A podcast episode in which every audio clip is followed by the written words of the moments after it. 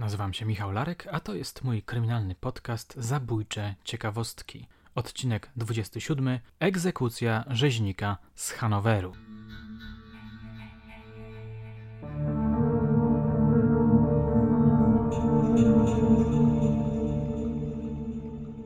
Zaczniemy dzisiaj od maila, którego dostałem całkiem niedawno od słuchaczki o imieniu Katarzyna. Pamiętacie ciekawostkę o Andrzejku? Na pewno pamiętacie, żywo ją komentowaliście na YouTubie. Anegdotki o tej barwnej postaci ze Skierniewic spotkały się z waszym entuzjazmem. Hasło Pan z wami. Teraz już na pewno kojarzycie. Otóż teść pani Katarzyny chodził z nim do klasy. Prawda, że świat jest mały? Posłuchajcie. Teść opowiadał, że Andrzejek nie zawsze był niegroźnym wariatem przemierzającym Skierniewice autobusami, krzyczącym słynne pan z wami i ciągle pytającym, gdzie masz żonę, męża. W latach młodości potrafił zagrać na fortepianie ze słuchu wszystko, co usłyszał, na przykład w radiu. Uczył się gry i nawet pobierał lekcje, a pani, która go tego uczyła, podobno paranoicznie obcinała mu paznokcie na krótko. Chodzą plotki, że chciał być księdzem, a kiedy to nie wyszło, postradał rozum. Teraz, z tego co wiem, Andrzejek mieszka ze swoją mamą. Historia, którą znam, wydarzyła się w bardzo ciepły, letni dzień w autobusie. Wsiada Andrzejek, początkowo stoi i bezwstydnie oczyszcza nos. A potem jak zwykle miętosi w rękach swoją nie pierwszej czystości chusteczkę. Siedziałam za dwiema starszymi paniami. Jedną z nich była sklepowa z osiedla, swoją drogą mająca dość osobliwy makijaż, mocno czerwone usta w połączeniu z niebieskim cieniem na powiekach i krzykliwe usposobienie. Podchodzi Andrzejek i mówi: O, najładniejsza w parafii, po czym romantycznie ujmuje i całuje dłoń owej damy. Ta, oczarowana zachowaniem swojego zalotnika i nie bacząc na to, co przed chwilą zrobił, ze szczerym zachwytem odparła: Ach, jaki z niego dżentelmen. Oczywiście innych historii o Andrzejku nie brakuje i śmiało można byłoby pisać więcej. Jest to człowiek mający nie mniejszą rozpoznawalność niż prezydent tego miasta i z pewnością stanowi sympatyczny element naszej społeczności. Najładniejsza w parafii. Smakowita scenka, prawda? Pani Katarzyno, czekamy na więcej.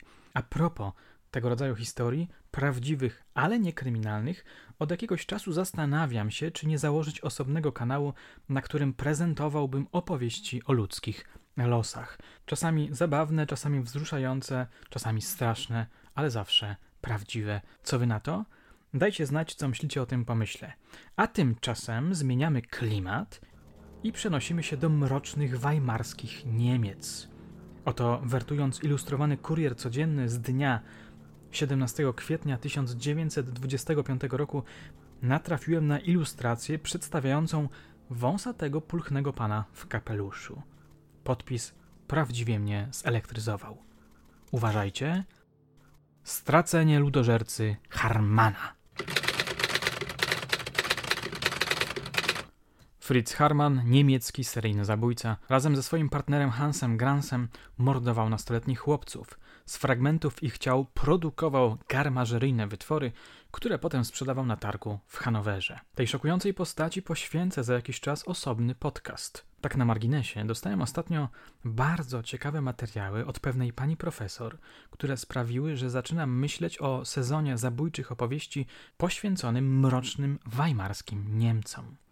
Jeśli ktoś nie do końca wie, czym były weimarskie Niemcy, niech obejrzy sobie kapitalny serial Berlin Babylon, od razu zorientuje się, w czym rzecz. Wracam do Harmana.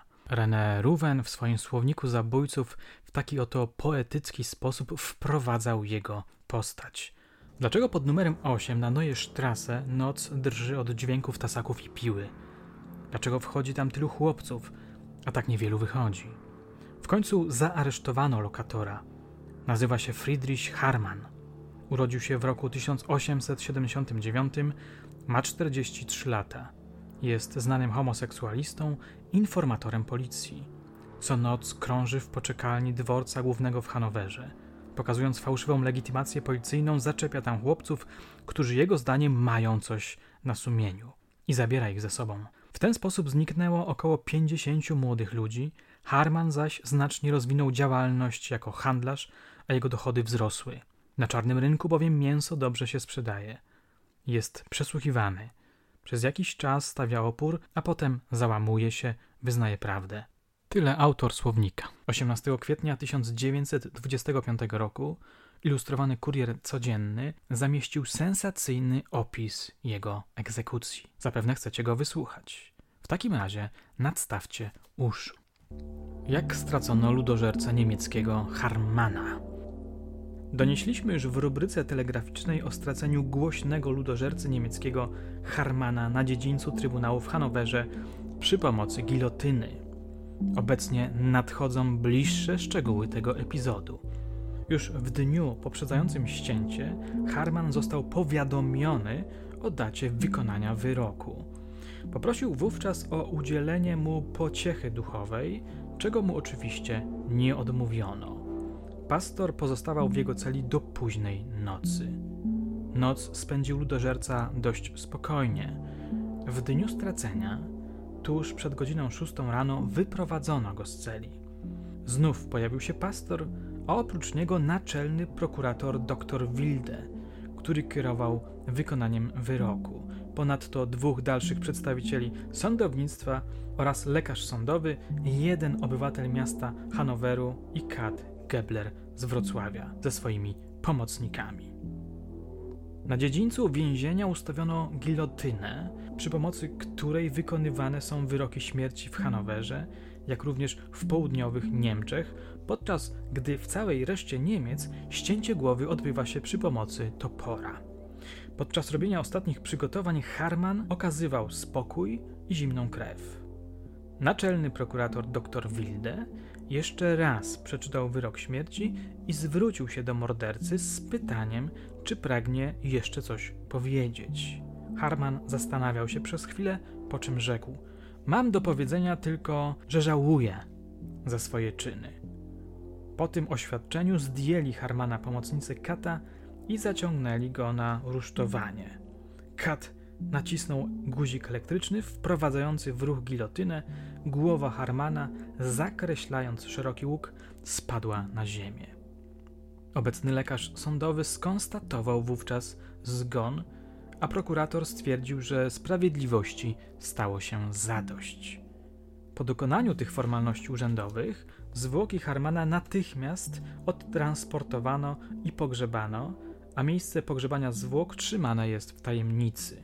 Cała ta egzekucja trwała zaledwie kilka minut. Ludność Hanoweru dopiero przed południem dowiedziała się z komunikatu urzędowego o dokonaniu stracenia. Ludność została zaskoczona tą wiadomością, albowiem przypuszczała, że z powodu zeznań złożonych ostatnio przez Harmana w formie listu do ojca Gransa wdrożone będzie nowe dochodzenie odraczające chwilę stracenia. Rodzice ofiar Harmana wystąpili przed kilkoma dniami z żądaniem, aby dopuszczono do osoby mordercy ich deputację, spodziewając się, że Harman da jakieś wskazówki co do nieznanych jeszcze losów poszczególnych ofiar. Władze nie zgodziły się na to, to też obecnie opinia publiczna krytykuje ostro władze policyjne i sądowe, że uniemożliwiły prowadzenie dalszych dochodzeń. Policja ze swej strony zapewnia, iż na podstawie zeznań Harmana zbadała gruntownie wszystkie ślady zbrodni. Dodatkowe zeznania Harmana były, zdaniem policji, niczym innym jak tylko wybrykiem fantazji.